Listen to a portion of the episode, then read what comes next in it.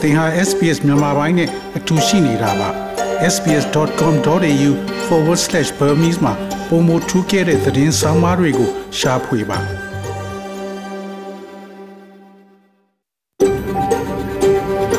SBS A world of difference You're with SBS Burmese on mobile, online and on radio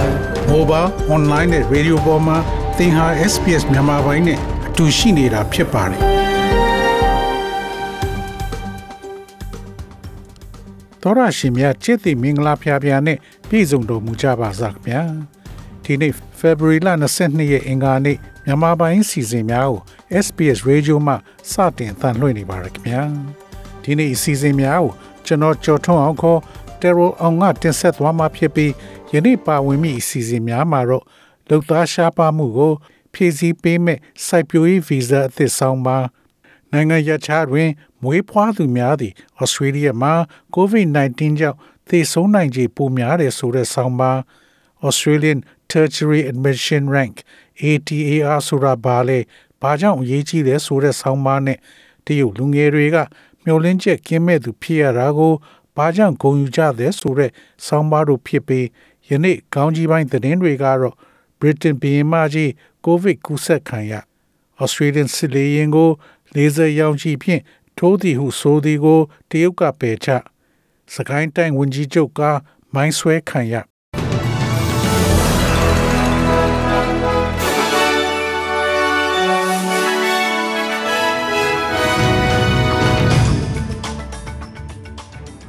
ယခုချိန်ကစပြီးသတင်းများကိုကျွန်တော်ကြော်ထုတ်အောင်ကစတင်ဖတ်ကြားပါတော့မယ်။ Britain ဘီရင်မကြီးကိုဗစ်ကူးစက်ခံရ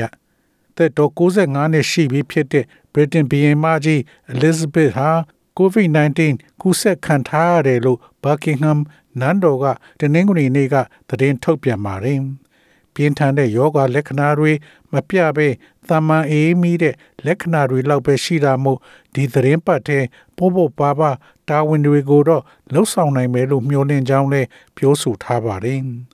ဘီယမာကြီးဟာစေကူသမှုဆက်ပြီးခံယူသွားမှာဖြစ်သလိုတင့်တော်တဲ့လမ်းညွန်ချက်တွေအားလုံးကို လိုက်နာသွားမယ်လို့လည်းနန်းတော်ကထုတ်ပြန်ပါတယ်။ဘီယမာကြီးရဲ့အရာအရာကိုဆက်ခံရမဲ့သက်တော်83နှစ်ရှိပြီဖြစ်တဲ့ Charles မင်းသားလည်းဒီလအစောပိုင်းတုန်းကကိုဗစ်ကူးစက်ခံခဲ့ရပါတယ်။မကြသေးခင်ရပိုင်းတွေကပဲဘီယမာကြီးရဲ့သူ့ရဲ့သားတော် Charles မင်းသားနဲ့တွေ့ဆုံခဲ့တယ်လို့ နန်းတော်သတင်းရစ်မြစ်တစ်ခုကပြောပါတယ်။ကမ္ဘာအကြီးဆုံးနဲ့နန်းသက်အရှိဆုံးဘီယမာကြီး Elizabeth ဟာပြီးခဲ့တဲ့အောက်တိုဘာလတုန်းကလည်းတီတီကြကြမဖော်ပြတဲ့ကျမ်းမာရေးအခြေအနေတစ်ခုကြောင့်ဆေးရုံတညတက်ခဲ့ရပါတယ်။ဒီနောက်ပိုင်းသူ့ကိုအနားယူဖို့ဆရာဝန်တွေကအကြံပေးခဲ့တာဖြစ်ပါတယ်။ Australian စစ်လေယာဉ်ကိုဒေဇာရောင်ချီဖြင့်ထိုးသည်ကိုတရုတ်ပယ်ချ Australian စစ်လေယာဉ်တစ်စင်းကို တရုတ်ရေတပ်သင်္ဘောတစ်စင်းကလေဆယ်ရောင်ချီဖြင့်တိုက်ခတ်ခဲ့ကြောင်း Australia မှဆွဆွဲချက်များကိုတရုတ်နိုင်ငံကညှင်းဆိုထားပါတယ်။ Australia နိုင်ငံမြောက်ပိုင်းကန်ယူဒန်းမှာပြီးခဲ့တဲ့သတင်းပတ်ကဖြစ်ပွားခဲ့တဲ့မတော်တဆမှုဟာ Australia လေယာဉ်ကိုလေဆယ်ရောင်ချီနဲ့တိုက်ခိုက်တဲ့တရုတ်သင်္ဘောတစ်စင်းပါဝင်တယ်လို့ Australia ကာဝေးဌာနကပြောဆိုပါတယ်။ဝန်ကြီးချုပ် Scott Morrison က အဆိုပါလောက်ရအတွက်ရှင်းလင်းချက်တစ်ခုတောင်းဆိုခဲ့ပြီး၎င်းကချိန်ချမှုဖြစ်တယ်လို့ပြောကြားခဲ့ပါတယ်။တရုတ်နိုင်ငံရေးဝန်ကြီးဌာနပြောရေးဆိုခွင့်ရှိသူ Wang Wenbin ကအဆိုပါဆွဆွဲချက်သည်မမှန်ကန်ဟုဆိုကာတရုတ်သမော၏လှုပ်ရှားမှုကို ပုံမှန်လမ်းကြောင်းအဖြစ်ခုခံပြောဆိုခဲ့ပါတယ်။နိုင်ငံတကာဥပဒေနဲ့အညီသက်ဆိုင်ရာရေးပိုင်တဲ့အတွင်းတရုတ်သင်္ဘောများရဲ့တရားဝင်ခွင့်ရေးများကို လေးစားလိုက်နာရန်နှင့် တရုတ်နိုင်ငံပေါ်မှန်မှန်မကန်သတင်းများဖြန့်ခြင်းကိုရပ်တန့်ရန်ဩစတြေးလျဘက်ကိုတိုက်တွန်းထားတယ်။စကိုင်းတိုင်းဝန်ကြီးချုပ်ကမိုင်းဆွဲတိုက်ခိုက်ခံရစကိုင်းတိုင်းဒေသကြီးထဲကစစ်ကောင်စီတပ်တွေနယ်မြေရှင်းလင်းနေတဲ့ကဏီနဲ့မင်းကင်းတို့မှာနေအိမ်တွေကိုထပ်မီးရှို့ခံရပါတယ်။မင်းကင်းနယ်ထဲမှာနေအိမ်တရားနီးပါးမီးလောင်ကျွမ်းခဲ့တယ်လို့ဒေသခံတွေကပြောဆိုပါတယ်။ ကဏီဘက်မှာလည်းတင်းနှင်းလာနေအထိတိုက်ပွဲတွေဖြစ်နေပါတယ်။အိုင်းတောင်ရွာထဲကိုစစ်တပ်တွေဝင်ရောက်မီးရှို့ခဲ့တာမှာအရသားသိဆုံးမှုရှိတယ်လို့ဒေသခံတွေကပြောဆိုပါတယ်။ရင်မာပင်ဘက်မှာလည်းစီရေးတင်းမာနေပြီးစကိုင်းတိုင်းဝန်ကြီးချုပ်ရင်တန်းမိုင်းဆွဲတိုက်ခိုက်ခံရပါတယ်။တနင်္လာနေ့ကပဲနှောရွာအနီးမှာစစ်ကောင်စီခန့်စကိုင်းတိုင်းဝန်ကြီးချုပ်ရင်တန်းကိုဒေသခံကာကွယ်ရေးတပ်ဖွဲ့တွေက မိုင်းဆွဲတိုက်ခိုက်ခဲ့ပါတယ်။မိုင်းဆွဲတိုက်ခိုက်ခဲ့တဲ့အခြေအနေနဲ့ပတ်သက်လို့ရင်းမပင်ဒေသခံကာကွယ်ရေးတပ်ဖွဲ့ဝင်တဦးကအတည်ပြုပြောဆိုပါတယ်။တနင်္ဂနွေနေ့တုန်းကလည်းရင်းမပင်မြို့နယ်အရှိဘက်ဖိုးဝင်းတောင်အနီးမှာစစ်ကောင်စီရင်တန်းမိုင်းဆွဲတိုက်ခိုက်ခံရပြီးဒေသခံကာကွယ်ရေးတပ်ဖွဲ့တွေနဲ့တိုက်ပွဲဖြစ်ပွားခဲ့ပါသေးတယ်။မြန်မာပြည်နဲ့ မြို့နယ်ချင်းကပ်နေတဲ့ပလဲမြို့နယ်ထဲကကြီးရွာတွေမှာဆိုရင်လေစစ်ကောင်စီကနေမြေရှင်းလင်းမှုတွေဆက်လုပ်နေပါတယ်။အခုနဲ့ထဲမှာကိုပလဲမြို့နယ်ထဲကကြီးရွာ6ရွာမီးရှို့ခံခဲ့ရတဲ့အတွက်နေ2000နီးပါးမီးလောင်ကျွမ်းခဲ့ပါတယ်။အဲ့ဒီဘက်မှာစစ်တပ်နဲ့ပြည်သူ့ကာကွယ်ရေးအဖွဲ့တွေကြားမှာလည်းစစ်ရေးတင်းမာနေပါတယ်။ယူကရိန်းကခွဲထွက်ဒေသကိုအသိမှတ်ပြုတဲ့အတွက်ရုရှားကိုအမေရိကန်အရေးယူမည် ယူကရိန်းရှေ့ပိုင်းကရုရှားဘာသာစကားသုံးတဲ့ Donetsk နဲ့ Luhansk ဒေသတွေကိုတီးခြားလွတ်လပ်တဲ့နိုင်ငံတွေဖြစ်ရုရှားသမ္မတဗလာဒီမီယာပူတင်ကကြီးညာလိုက်ပြီးနိုင်ပိုင်းအတွင်းမှာပဲ American သမ္မတအိမ်ဖြူတော်ကအဲ့ဒီဒေသနှစ်ခုအပေါ်အရေးယူတန်ခတ်မှုတွေချမှတ်မှာဖြစ်ကြောင်းပြောကြားလိုက်ပါတယ်။ ဒီနေ့နာနေ့မှာရုရှားသမ္မတကဒီနေမြေတစ်ခုဟာယူကရိန်းနယ်ထဲကနေမြေတွေမဟုတ်တော့ဘူးလို့ကြေညာမဲ့အကြောင်းပြင်သစ်နဲ့ဂျာမနီခေါင်းဆောင်တွေကိုပြောကြားခဲ့ပါတယ်။တနင်္လာနေ့ရုရှားပြည်သူတွေကိုမိန့်ခွန်းပြောကြားမှလည်းရုရှားသမ္မတကယူကရိန်းကတမိုင်းကြောင်းရရုရှားရဲ့အစိတ်ပိုင်းတစ်ခုသာဖြစ်ကြောင်းပြောကြားခဲ့ပါတယ်။ယူကရိန်းကနေခွဲထွက်ဖို့ကြိုးစားနေတဲ့ဒီဒေသနှစ်ခုကို ရုရှားသမ္မတကအသိမှတ်ပြုလိုက်တာဟာနိုင်ငံတကာဥပဒေကို ပြောင်းကျကျချိုးဖောက်လိုက်တာဖြစ်ကြောင်း EU ရဲ့ဥရောပကော်မရှင်အကြီးအကဲ Ursula von der Leyen နဲ့ဥရောပကောင်စီအကြီးအကဲ Charles Michel တို့ကပြောကြားလိုက်ပြီးမကြာခင်မှာပဲ American ကပူးပေါင်းပြောဆိုလိုက်တာဖြစ်ပါတယ်။ တကယ်လို့ရုရှားကယူကရိန်းကိုဝင်တိုက်မယ်ဆိုရင်ခုထက်ပိုတုံ့ပြန်ဖို့လဲ American ကပြင်ထားတယ်လို့အိမ်ဖြူပြောခွင့်ရ Jen Psaki ကပြောဆိုပါတယ်။နိုင်ငံတကာလိုက်နာဖို့ဂတိပေးထားတဲ့ဥပဒေကိုအခုရုရှားကပြောင်ချကြချိုးဖောက်ခဲ့တာနဲ့ပတ်သက်ပြီးနောက်ဆက်တွဲအရေးယူမှုတွေကို မကြာခင်မှာပဲကြေညာမှာဖြစ်ကြောင်း American နဲ့မဟာမိတ်တွေပြောထားသလိုပဲရုရှားက ယူကရိန်းကို ဝင်တိုက်တာနဲ့ပြင်းထန်လျင်မြန်တဲ့စီးပွားရေးဒဏ်ခတ်မှုတွေဆက်ပြီးချမှတ်မှာဖြစ်ကြောင်းလည်းပြောဆိုသွားပါတယ်။နှစ်နှစ်ကြာပြည်ဝင်ခွင့်ကန့်သတ်မှုဩစတြေးလျဖယ်ရှားကိုဗစ်ကပ်ရောဂါကြောင့်နိုင်ငံတကာခီးသွားတွေပေါ်နှစ်နှစ်နီးပါးပြည်ဝင်ခွင့်ကန့်သတ်ထားတာကိုဖယ်ရှားလိုက်ပြီလို့ New South Wales ပြည်နယ်ဝန်ကြီးချုပ် Dominic Perrottet ကကြေညာပါတယ်။ အစ္စရေးနိုင်ငံကလည်းကိုဗစ်ကာကွယ်ဆေးမထိုးထားတဲ့ကမ္ဘာလက်ခီးသွားတွေကိုမတ်လတရက်ကစပြီးပြည်ဝင်ခွင့်ပြုမယ်လို့ကြေညာပါတယ်။ဒါပေမဲ့လည်းခီးသည်တွေအနေနဲ့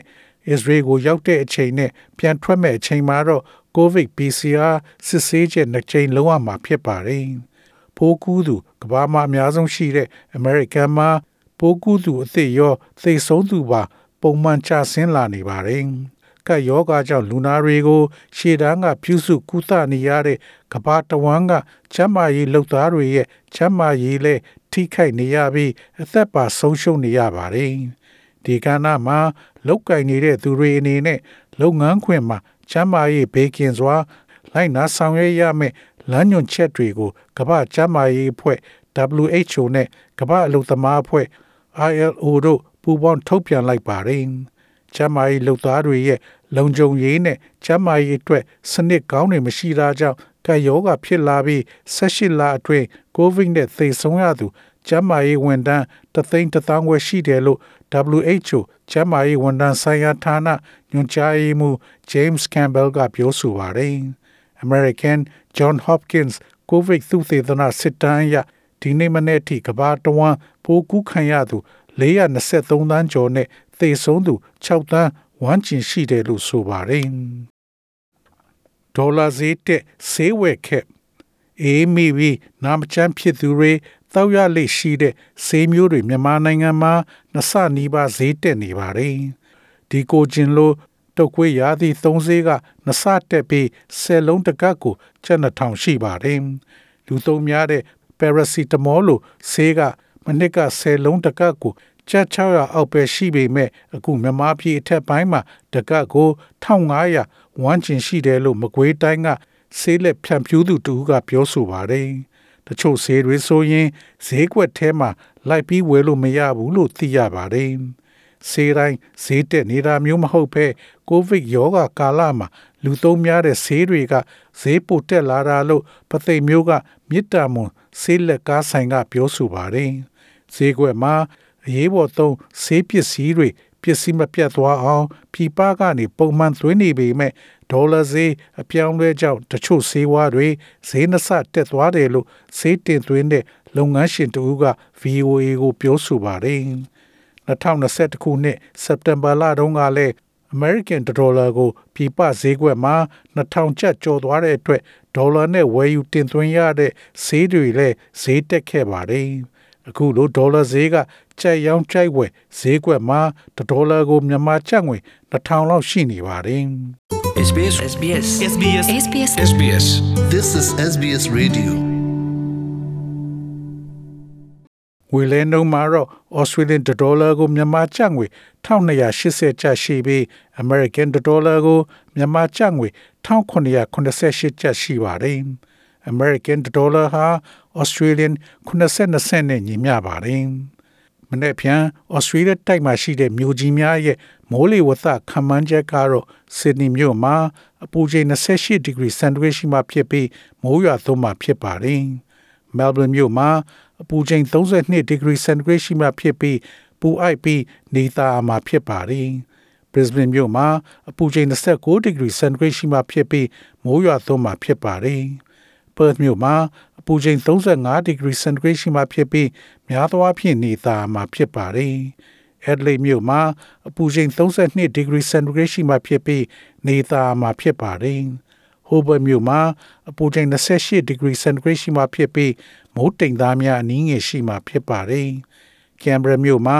အပူချိန်26 degree centigrade ရှိမှဖြစ်ပြီးမိုးတစ်ဖြောက်နှစ်ဖြောက်ရွာသွန်းနိုင်ပါတယ်။ Darwin မြို့မှာအပူချိန်31 degree centigrade ရှိမှဖြစ်ပြီးမိုးတစ်ဖြောက်နှစ်ဖြောက်ရွာသွန်းနိုင်ပါတယ်။ဤတွင်သတင်းများကိုကြီးညာလို့ပြီးပါပြီခင်ဗျာ။